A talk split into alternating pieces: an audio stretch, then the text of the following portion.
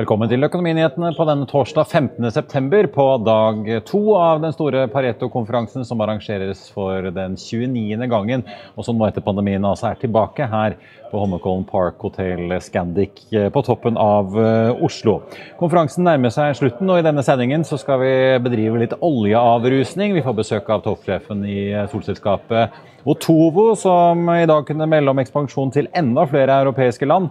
Og så skal vi også ned på Oslofjorden for å ta et havvindserviceskip nærmere i skue. Nemlig Edda Breeze, der vi snakker med både sjefene i havvindserviceselskapet Edda Wind altså, og Pareto Securities. Men aller først la oss ta en titt på markedet akkurat nå. Hovedveksten på Oslo Børs ned 0,2% Vi så jo tidligere i dag at vi startet litt i pluss, men vi har mistet litt fart utover dagen. Oljeprisen har også deiset uh, utover. Vi er nå ned 2,1% til 92,60 uh, per fat nordsjøolje brent altså, i spot-markedet. På, future, på, Wall Street så peker futuresene mot en nedgang etter den uh, lille oppgangen vi fikk i går, da, særlig på Nasdaq som var opp 0,7% etter det ganske brutale fallet da, i forgårs etter inflasjonstallene som satte en støkk i mange investorer. I dag så har jo eh, statsminister Jonas Gahr Støre og energiminister Terje Aasland hatt møter med Equinor, Aker BP og Vår Energi om energikrisen i Europa. og Etter møtet så kunne Akers konsernsjef Øyvind Eriksen fortelle at de var interessert i å inngå lengre kontrakter med kunder på kontinentet. Problemet var at det er litt uklart hvem som egentlig skal være disse motpartene da i dagens ganske spente situasjon, der mange aktører på kontinentet er under et voldsomt finansielt press. Vi har i dag sett uh, flere medier rapportere fra Europa at også det tyske gasselskapet VNG nå ser ut til å måtte motta en redningspakke fra tyske myndigheter, hvor de da går inn på eiersiden, slik man har sett de har å gjøre med da datterselskapet til Fortum, tyske Juniper. Så har det kommet en uh, tentativ avtale på plass mellom amerikanske fagforeninger og jernbaneselskaper. Det melder CNBC, som siterer den amerikanske presidenten. Dermed ser det ut til at uh, streikefaren, som kunne lamme store deler av amerikansk transport Eh, og godstrafikk ser ut til å ikke bli noe av. Får vi ta med oss at eh, Shell har annonsert at konsernsjef Ben Van Bjørden går av etter å ha sittet i jobben i siden 2014 og har vært i selskapet i 40 år. Han erstattes av eh, Savan, som kommer fra jobben som gass- og fornybarsjef i Shell. Under Van Bjørdens tid så har jo Shell både kjøpt opp BG, der Helge Lund skulle bli sjef en kort periode etter Statoil-tiden. Og så har de gjennomført eh, store nedsalg eh, på rundt totalt 30 milliarder dollar, som da inkluderer salget av eh, bl.a. Raugensfeltet på norsk sokkel til Okea. Den store vinneren i dag er jo eh, Meltwater, dette analyse- og tekstselskapet som eh, kom da med en melding eh, tidligere i dag om at selskapet nå vurderer sine strategiske muligheter, og at de har hyret inn DNB Markets og JP Morgan til å bistå selskapet.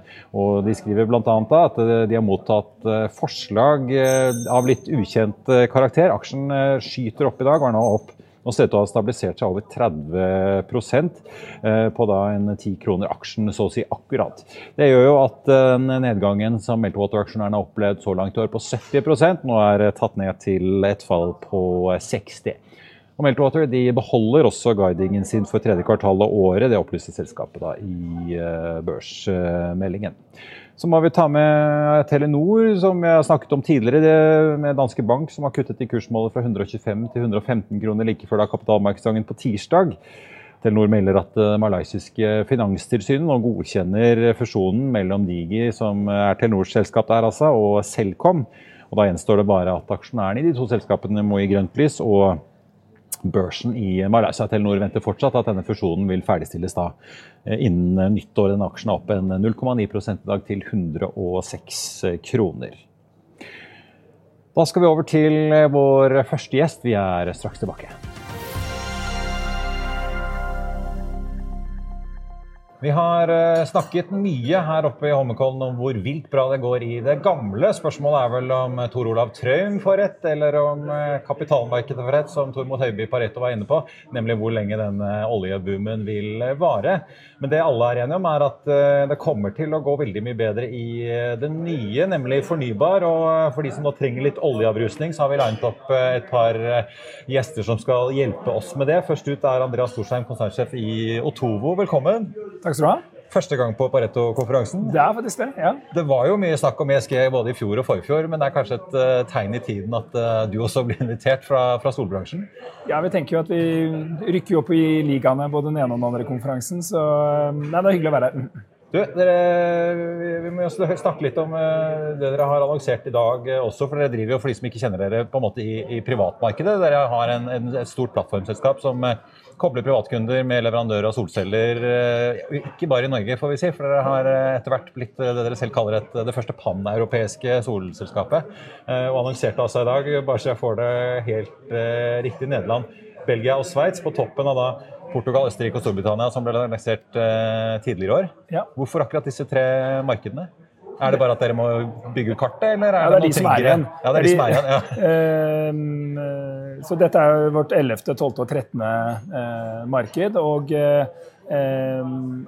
markerer at det er seks land vi har gått inn i hittil i år. Vi hentet jo penger til den ekspansjonen i februar i år, og er på sporet av å gjennomføre det vi, det vi sa, da, hvor vi måtte, lanserte tre land i sommer, og så blir det tre nye land eh, nå.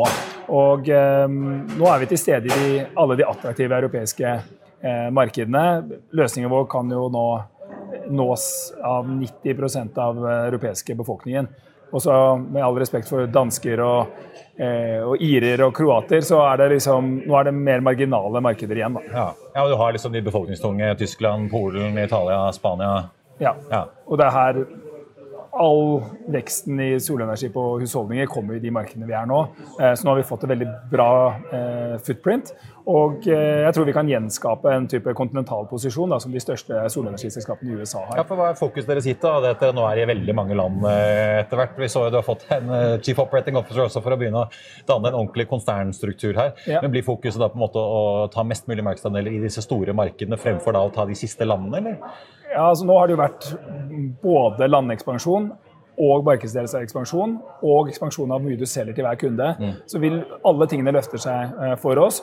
Um, men det er klart at fra det 13. landet så er det mindre interessant å legge til 14 og 15 mm. og, og, 16. Vi er rett og slett, måte, ja, det, er, det er ikke der vi skal hente veksten fra. Nå er det markedsandelsvekst i et voksende uh, marked.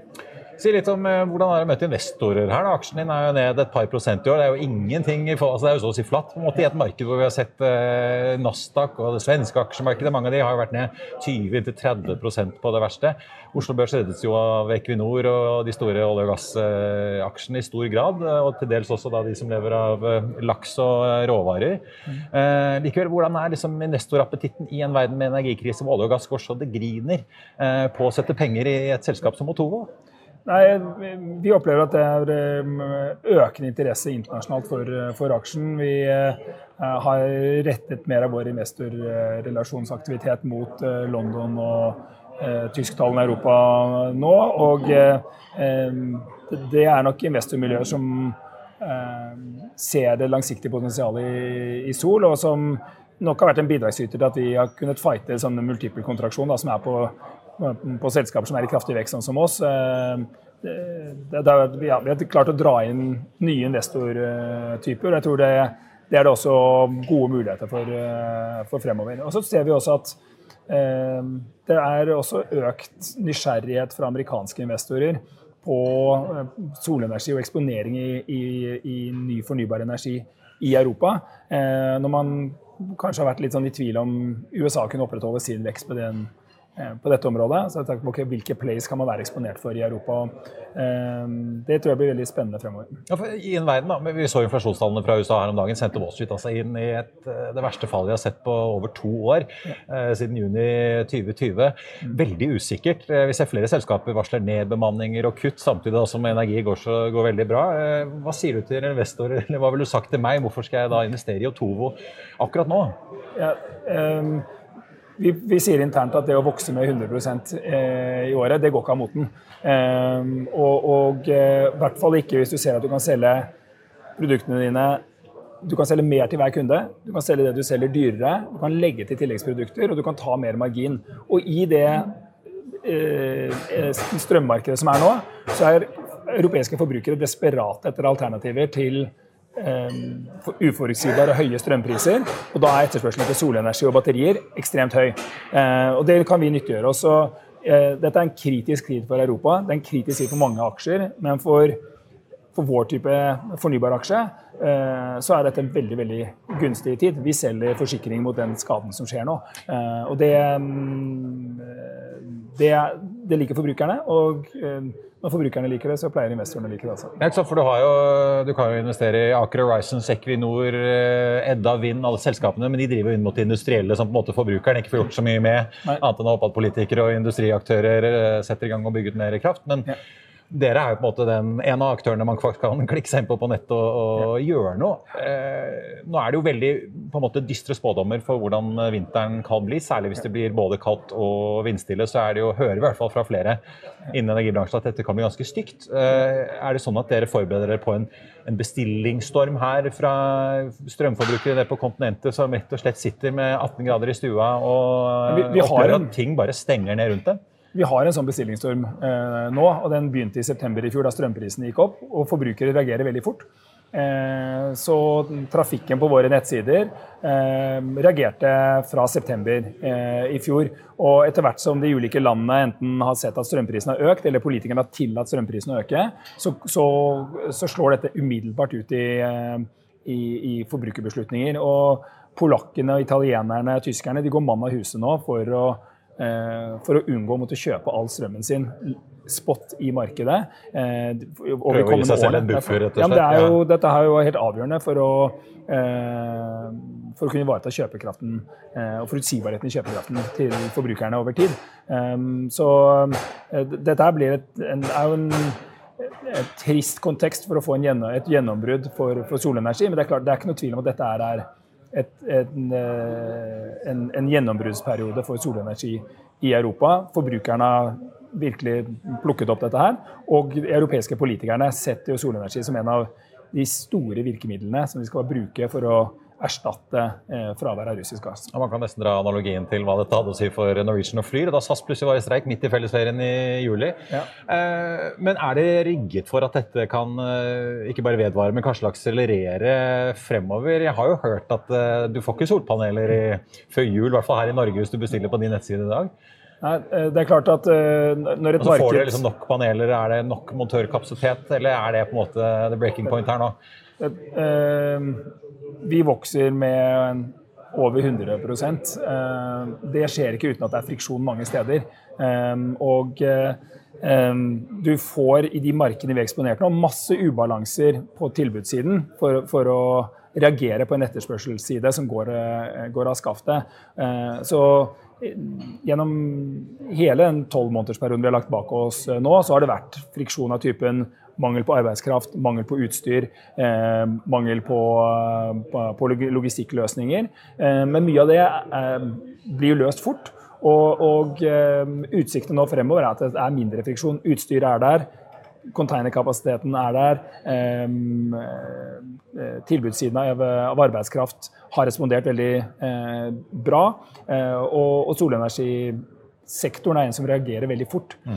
Eh, så, um, Men er det store forskjeller mellom de ulike markedene deres uh, på bestillingstid? Ja, det er jo altså sånn at et, uh, Små markeder som, som Norge eh, er det jo vanskeligere å få til en, en, en akselerasjon på tilbudssiden. så det norske markedet er kanskje dobbelt så stort som det var i fjor. Mm. Um, og, men det betyr at du jobber dobbelt så mange folk eh, med dette da, som, som, du gjorde, gjorde, i fjor. og Det er imponerende nok, men det er ikke nok til å ta unna den økningen som har vært i etterspørsel. Derfor er ventetidene økt i Norge. Eh, mens i, i Polen, som har et kanskje mer likvid arbeidsmarked for, for eh, blue collar eh, arbeidskraft, og hvor, det, hvor, denne bransjen har vært større, så tar de, tar de dette her in stride. Og eh, du kan få montert solcelleanlegg som du kjøper i dag, antagelig før utgangen av september. Ja. Så der går det uhorvelig fort. Um, så det er litt ulikheter fra, fra, fra land til land, men uh, det går Alt i alt så går det veldig fort. Ja.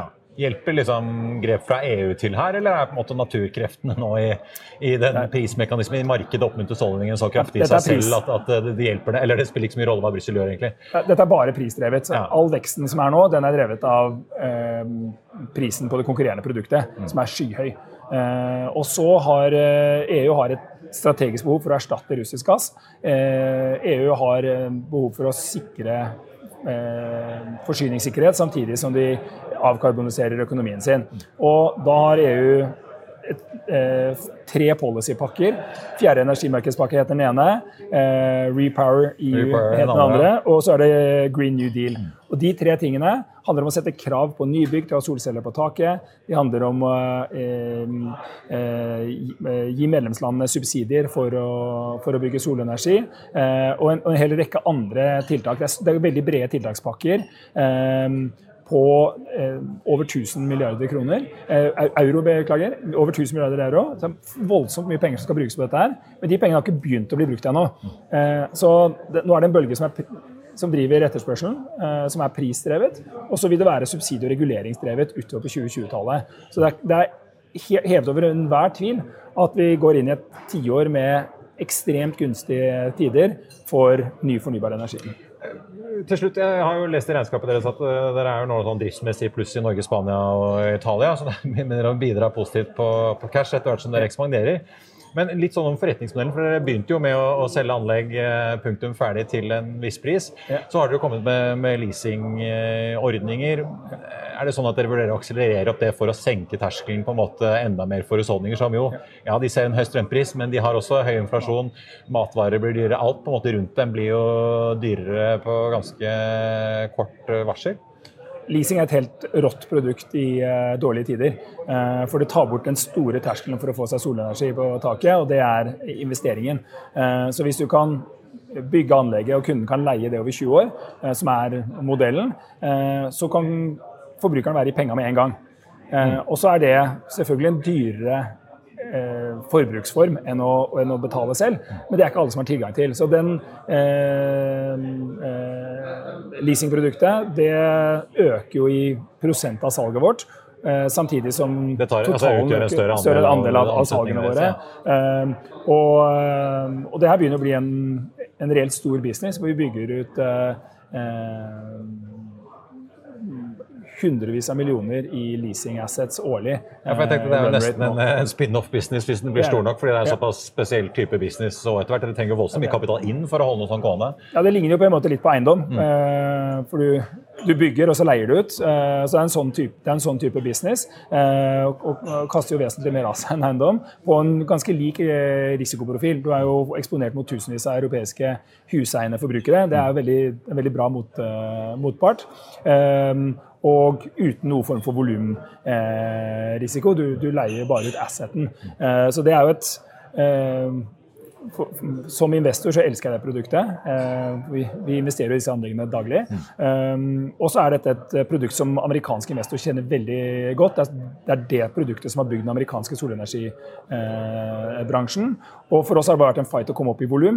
Idet du er på de nivåene vi er nå, så kan man eh, kan man enten leve av eh, eh, eh, å finansiere opp sånne porteføljer, eller du kan selge dem gradvis og, og operere mer som et som et verft enn, en, en et rederi. Um, og um, dette er jo ekstremt avgjørende for vår, eh, for vår lønnsomhet. De, de produktene her er mye mer lønnsomme enn å selge direkte. Andreas Storsheim i Otovo, takk skal du ha, og si lykke til med salget og leveransene. Tusen takk. I'll see you in court. Vi sier det ofte litt på spøk, men for deg som driver business, er det aldri moro å innse at du ikke har laget en 100% gyldig kontrakt. Du bør ikke risikere hele firmaet ditt fordi du synes dette med kontrakter er litt stress. En avtale er ikke en avtale. Du kan miste kunder, miste venner, ja, til og med miste inntekter om du ikke lager en skikkelig kontrakt, på alt mulig, egentlig. Men vi vet det er et styr. Kopimaskiner, tregprinter og haugevis av papir. Dessuten stoler vi jo på folk her i landet. Det er ofte litt kleint å skulle be om en signatur for alt mulig, ja, for mye av styret handler også om jakten på underskriften. Det finnes en enkel måte å løse dette på, Dukkobit, en trygg, effektiv og get this, gratis måte å sikre seg en god natts søvn pluss en juridisk bindende avtale. Dukkobit-appen har de strengeste sikkerhetskrav i bunn, samt en EU-godkjent og sertifisert teknologi. Framover vil det bli behagelig å spørre du, skal vi skrive under på det, eller? Kom i gang på dokobit.no.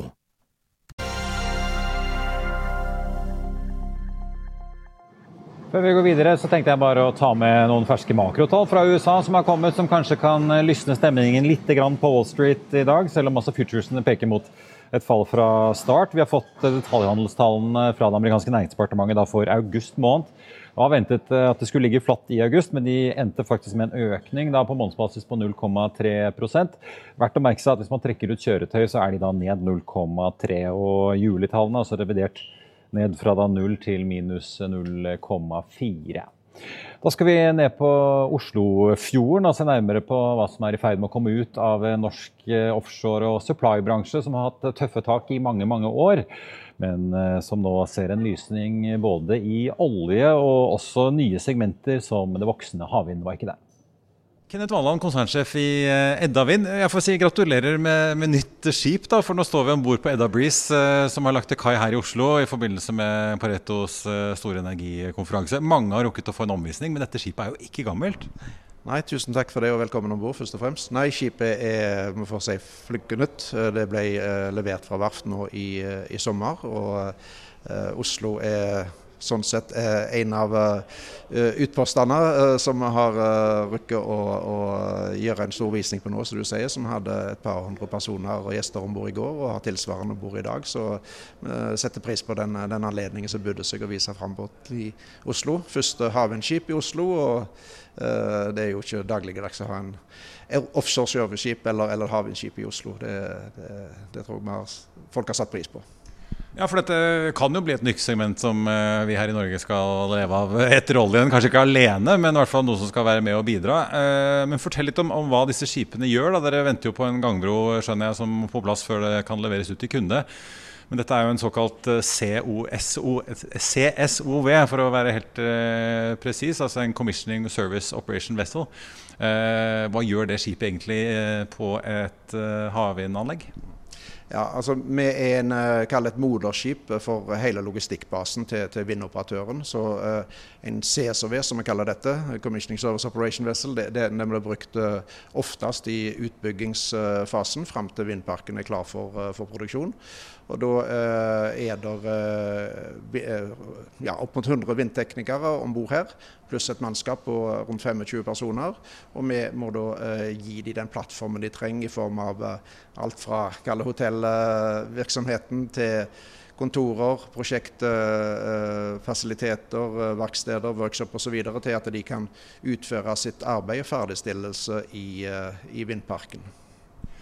Nå er det jo snart et år siden det gikk på børs i november i fjor, på litt over 30 kroner aksjen. Den er nå nede igjen 23. Men fortell litt om på en måte hvordan dere ser for dere å realisere de ganske store vekstplanene dere har og dere ser bransjen har. For dere snakker jo om at det er behov for over 250 sånne skip globalt før man regner med Kina innen 2030? Ja, statistikkene viser det er jo et utrolig ekspansivt marked.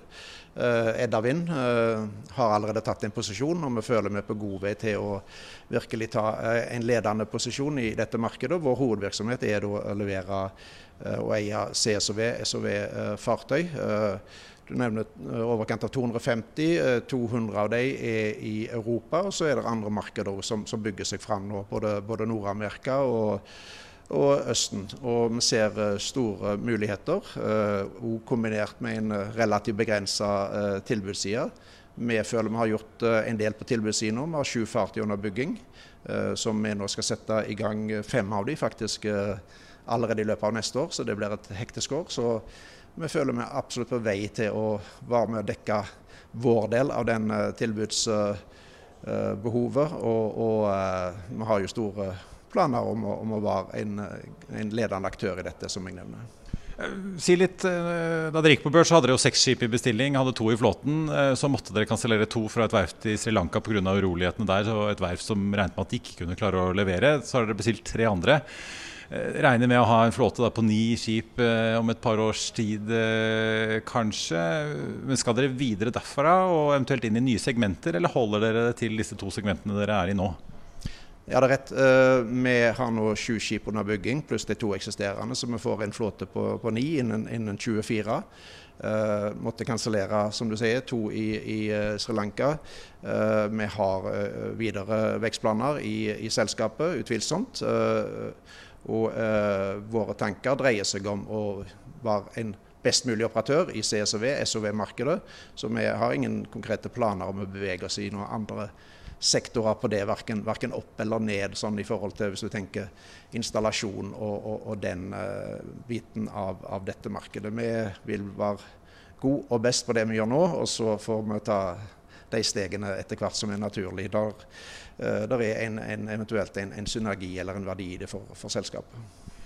Fortell litt hvordan dere regner på en måte å finansiere denne veksten deres. Dere hentet jo en, eh, rundt en milliard kroner, litt avhengig av eurokursen, kursen man regner brutto i forbindelse med børsnoteringen. Dere har tatt opp en del lån. Og så har dere jo sagt at eh, de skipene dere har under bestilling, koster om lag 40-50 millioner euro stykket. Altså opp, eh, begynner å nærme seg en halv milliard kroner stykket. Eh, da begynner du jo fort å bikke 4 milliarder kroner, nærme deg 5 milliarder kroner på flåten din eh, nå. Eh, dere og dere snakker om at stålprisen er på vei opp, og at byggekostnaden i dag er høyere enn den var. Skal dere finansiere videre vekst med flere emisjoner, eller en kombinasjon av det og lån, eller?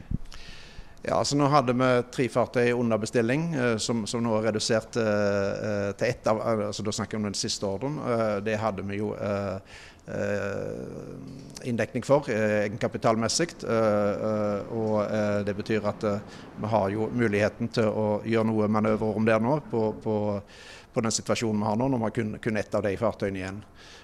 Så, så på, på gjeldsfinansieringen så ser vi at det er en veldig stor appetitt i dette markedet, òg pga. at vi er, absolutt innen den grønne grein, for å si det sånn, innen fornybar. og vi ser jo òg at, at Eh, avhengig av hva vokst og hva timing på voksten er, så må vi, må vi hente inn uh, annen kapital. Uh, og det er jo mer da kanskje et timingspørsmål i forhold til verdien i selskapet, og sånn som verdien, uh, verdien markedet setter på selskapet.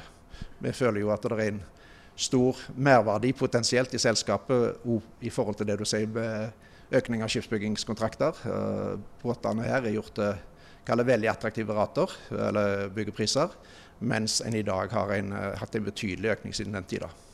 Til slutt, eh, Dere har jo store kjente kunder som Ørsted, eh, Siemens Gamesa og andre kjente navn i bransjen. Dere har sikret en god del av flåten som er under bygging på kontrakt allerede. men er det noe risiko som dere ser det for at de andre skipene får seg kontrakt i det hele tatt, eller er det såpass mye aktivitet og vekst i dette markedet at det dere regner med at det blir ganske problemfritt å få kontrakter på disse også?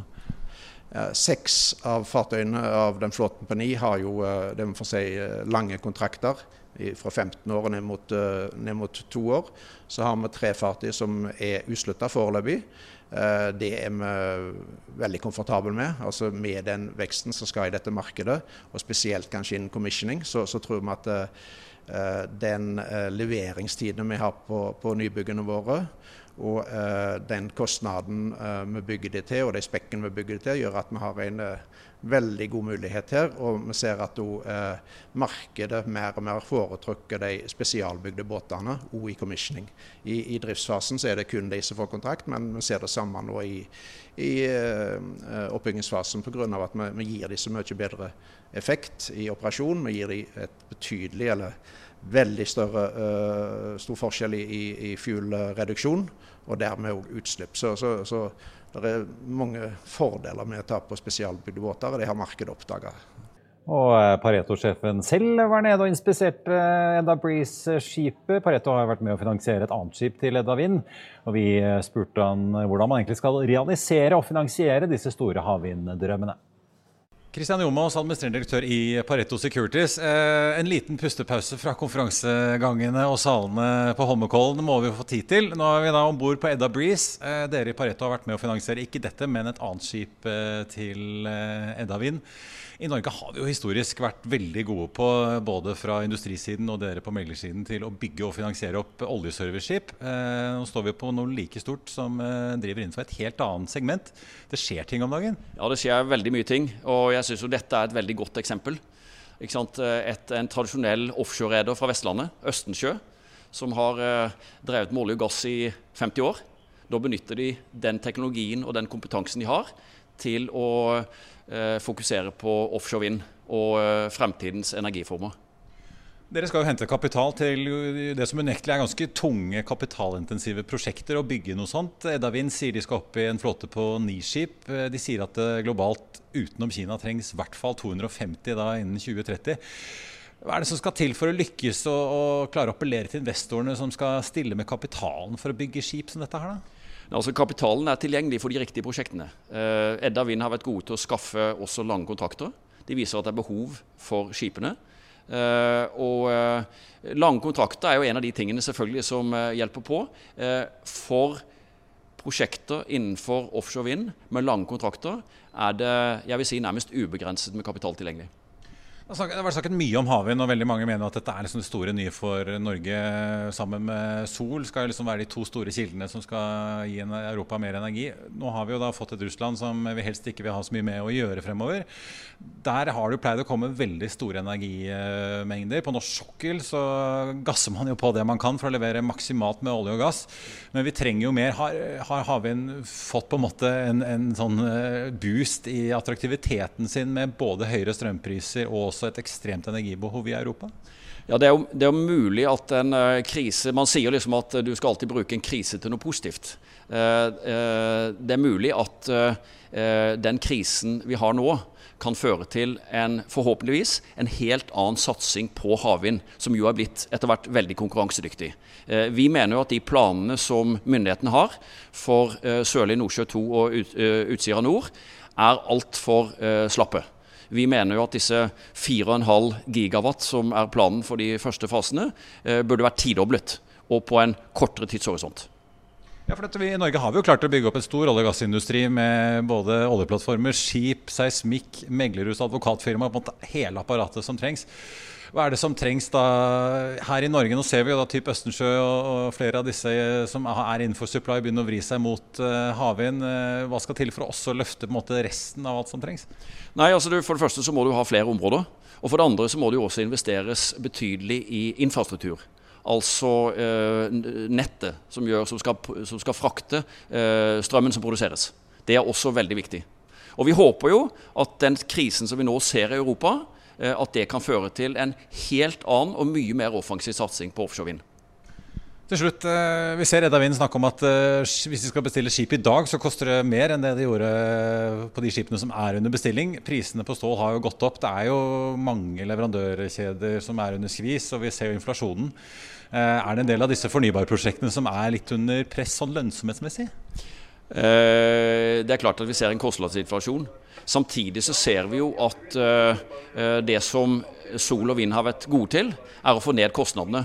Økt kapasitet uh, på vindturbiner, mer effektive solpaneler. Og det har gjort sol og vind veldig konkurransedyktig. Så vi tror jo at selv med en kostnadsøkning, så vil sol og vind være veldig konkurransedyktig i forhold til mer fossile alternativer.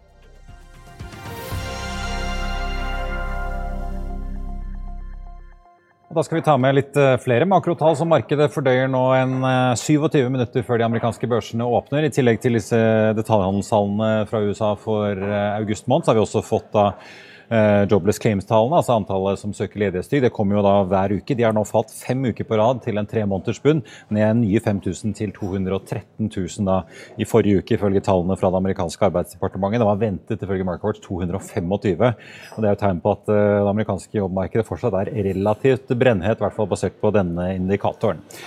La oss titte litt på andre aksjer som eh, det er verdt å følge med på i dag. Hydro-aksjen var opp halvannen prosent tidligere i dag, ligger nå ned rundt en halv prosent. Vi har sett flere metallselskaper i USA, inkludert da Nucor og Arconic, komme med resultatvarsler. Og da eh, tyder jo på at i hvert fall flere i bransjen merker et visst eh, marginpress. American Shipping, som jo har hentet 400 millioner i en emisjon til 36 kroner aksjen, eh, ligger nå på 37,50, altså ned 5,5% Og så får vi også nevne da Telenor, som er opp en 0,9 i dag, etter meldingen om at det malaysiske finanstilsynet da godkjenner fusjonen mellom Telenors selskap Digi og Selcom, som de vil slå seg sammen med. Så gjenstår det da egentlig bare at aksjonærene og den malaysiske børsen sier ja.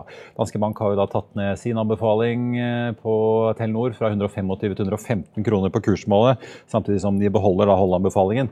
Da like før kapitalmarkedsdagen som skjer nå førstkommende tirsdag.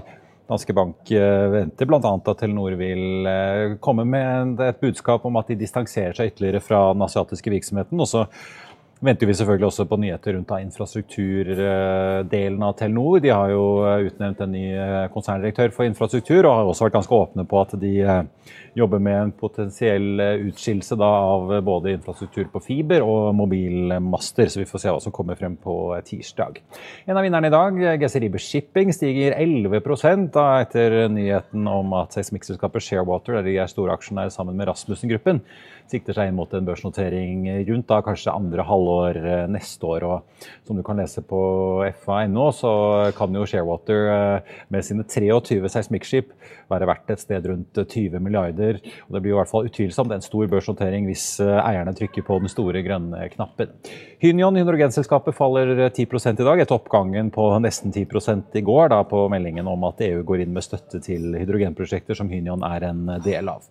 Og så ta med Anfjord Salmon, som er opp et par prosent i dag på sine Q2-tall, der de varsler at eh, de forventer de første driftsinntektene sine da eh, en gang neste år, omtrent etter slakten, da, som er ventet å skje i midten av året på den første laksen. Og så har flyselskapet SIS eh, kommet med en melding om at de har signert en intensjonsavtale med svenske Heart Aerospace for å sikre seg deres elfly ES30 i regionalflåten. I fjor så meldte jo amerikanske United at de har tenkt å kjøpe 100 av disse 19-seterne kalt ES19 fra Heart Aerospace. Og ES30 skal etter planen sertifiseres for kommersiell bruk ifølge SIS da innen 2028 og kan fly en 30 passasjerer, da et par hundre kilometer på batteri, og totalt 400 hvis du regner med rekkevidden som er på dette hybridsystemet, som også er en del av eh, flyet.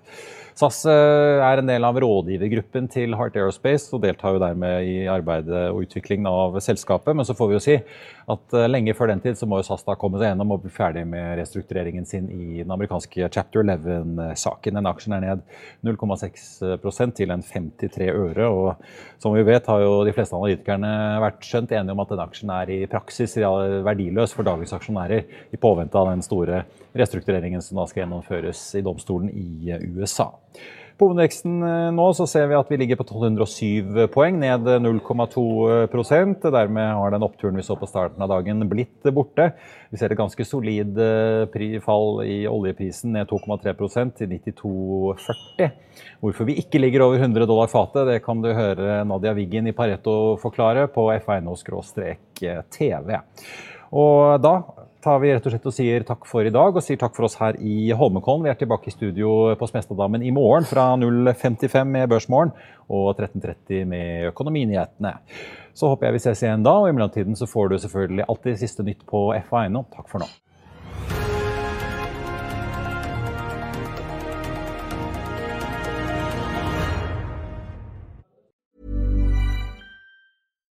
Hi, I'm Daniel, founder of Pretty. Cats and cat owners deserve better than any old fashioned litter. That's why I teamed up with scientists and veterinarians to create Pretty Litter. Its innovative crystal formula has superior odor control and weighs up to 80% less than clay litter. Pretty Litter even monitors health by changing colors to help detect early signs of potential illness. It's the world's smartest kitty litter. Go to prettylitter.com and use code ACAST for 20% off your first order and a free cat toy. Terms and conditions apply. See site for details. Hey, it's Paige DeSorbo from Giggly Squad. High quality fashion without the price tag? Say hello to Quince. I'm snagging high end essentials like cozy cashmere sweaters, sleek leather jackets, fine jewelry, and so much more. With Quince being 50 to 80% less than similar brands. And they partner with factories that prioritize safe, ethical, and responsible manufacturing. I love that. Luxury quality within reach. Go to quince.com slash style to get free shipping and 365 day returns on your next order. Quince.com slash style. Økonominyhetene er en podkast fra Finansavisen. Programledere er Marius Lorentzen, Stein Ove Haugen og Benedikte Storm Bamvik. Produsenter er Lars Brenden Skram og Bashar Johar. Og ansvarlig redaktør er Trygve Hegnar.